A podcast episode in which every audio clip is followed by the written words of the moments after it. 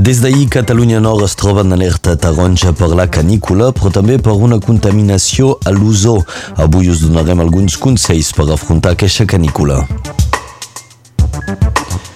Nova manifestació ahir del personal d'urgències que van tallar la circulació al centre vila de Perpinyà.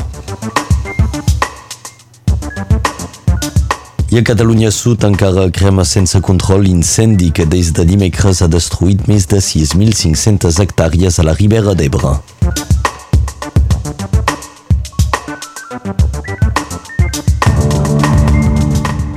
Problemes d'internet per més de 10.000 clients d'Orange al Conflent, als Aspres, al Riberal, a la Cerdanya i al Capcí.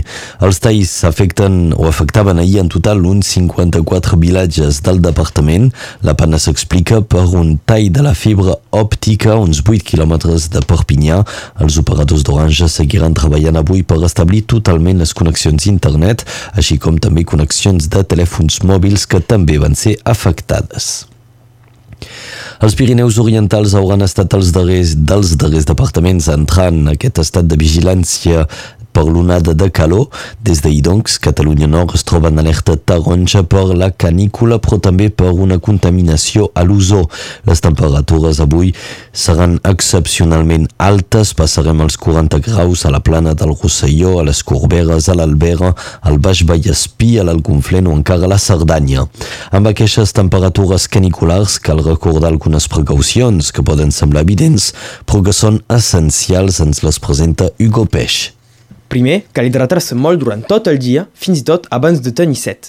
També cal, al màxim possible, refrescar-se la cara i per què no la resta del cos. Lògicament, cal evitar de sortir a les hores on el sol és el més fort. I pels esportius s'ha de limitar l'esforç amb aquestes condicions climàtiques. Si teniu climatització, no baixeu la temperatura per sota dels 25 graus. No és bo ni per la salut ni pel medi ambient. Penseu també en apagar-la quan no la necessiteu si sortiu de casa, per exemple. Finalment, s'han de vigilar les persones fràgils, sobretot els nens i les persones grans, i no perdre de vista que amb temperatures tan altes tothom és exposat. També pot ser una bona excusa per fer el primer bany de l'any si encara no ho heu fet. A Canet, l'aigua serà a 22 graus. Per consells i recomanacions sobre la canícula, un número obert és disponible, el 0800 06 66 66.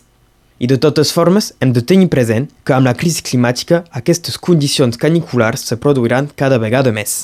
Donc sí, moltes gràcies, Hugo Peix. Aquestes temperatures altes s'acompanyaran d'un pic de pol·lució a l'ozó. Aquesta pol·lució s'explica per les altes temperatures combinades a una eh, reacció entre els gasos produïts per les botures i els components orgànics volàtils.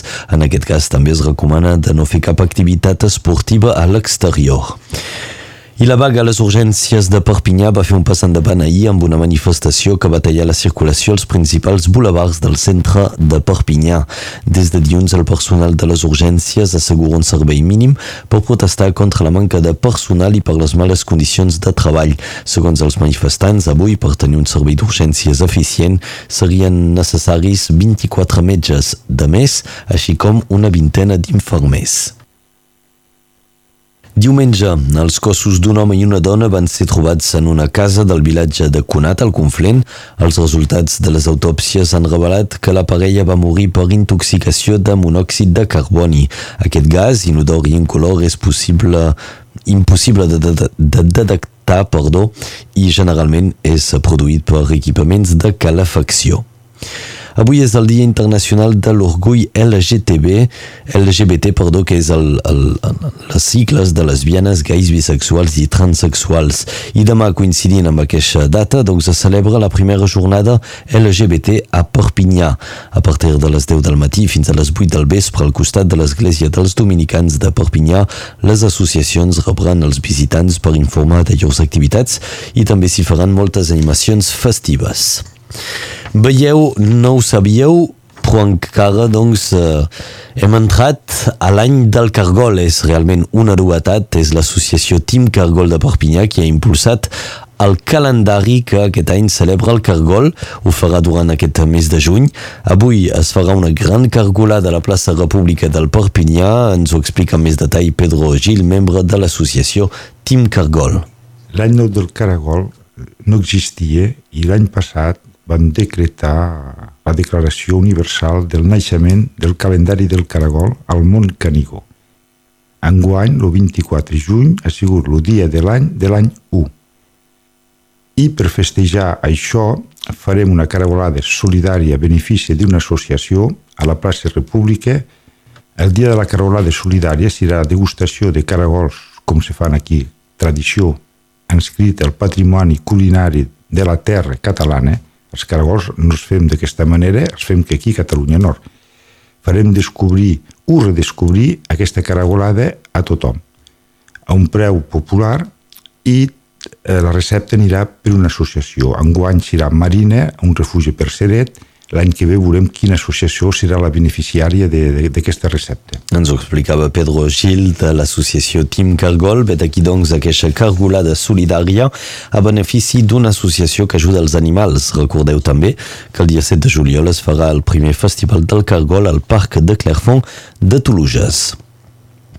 L'associació Treantet celebrarà demà una assemblea general ordinària en un moment de forta preocupació pel futur de la línia entre Perpinyà i Vilafranca de Conflent. Recordem que el passat 13 de juny el nou jutge d'instrucció de l'accident de Mias va assegurar a les famílies que la línia es mantindrà tancada mentre duri la investigació. L'associació Treantet debatrà demà de les futures accions que conduirà per reclamar que es torni a posar en funcionament aquesta línia. L'assemblea general es farà demà a partir de la 1 i mitja a la sala Gelsen de Prada. Jordi Sánchez, Jordi Turull i Josep Rull han demanat a la direcció de Junts per Catalunya que s'abstingui a la investidura del candidat a la presidència del govern espanyol Pedro Sánchez.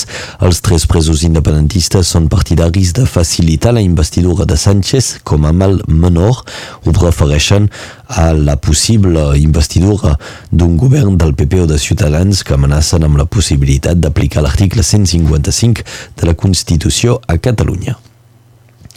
I a Catalunya Sud encara crema sense control l'incendi que des de dimecres ha destruït més de 6.500 hectàrees a la Ribera d'Ebre.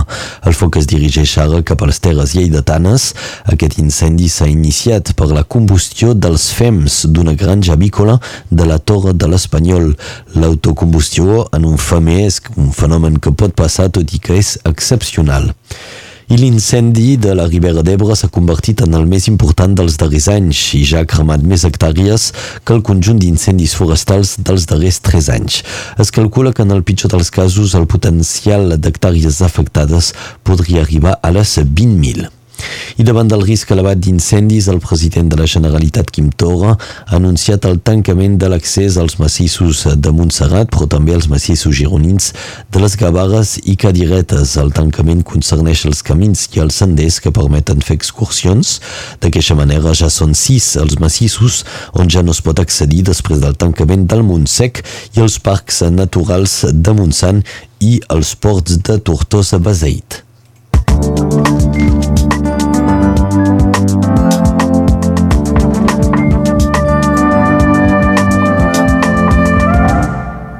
Seguim ara amb la informació del temps que ens presenta l'Enric Balaguer.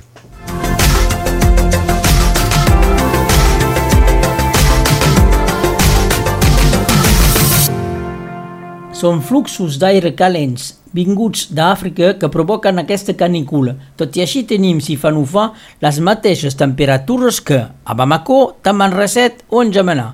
Catalunya Nord és ara en vigilància taronja. Els vents que eren de marinada es giren a tramuntana, però queden de febles intensitats. El capellà de Vilafranca és assentat sus una branca i ens diu que tindran 39 graus al conflent. El de Morriàs no surt de la sacristia, no s'ho creu, es recomana Sant Tomàs i veurà que el mercuri pujarà fins a 43. El de Sant Marçal, a prop de la Bastida, podrà constatar uns 38 graus la mateixa temperatura que suportarà un descendent del barretinaire de Pres de Molló. Si sou a la plana i pugeu a Cerdanya per cercar la fresca, ai, farà 34 graus també a Enveig. Us he de recordar un rècord. El 28 de juny 2014 han registrat 39.6 a Ribes Altes. Avui és l'aniversari del cantant Cali, Bruno Calicciuri de Bernet d'Esbany fa 51 anys és Sant Irineu.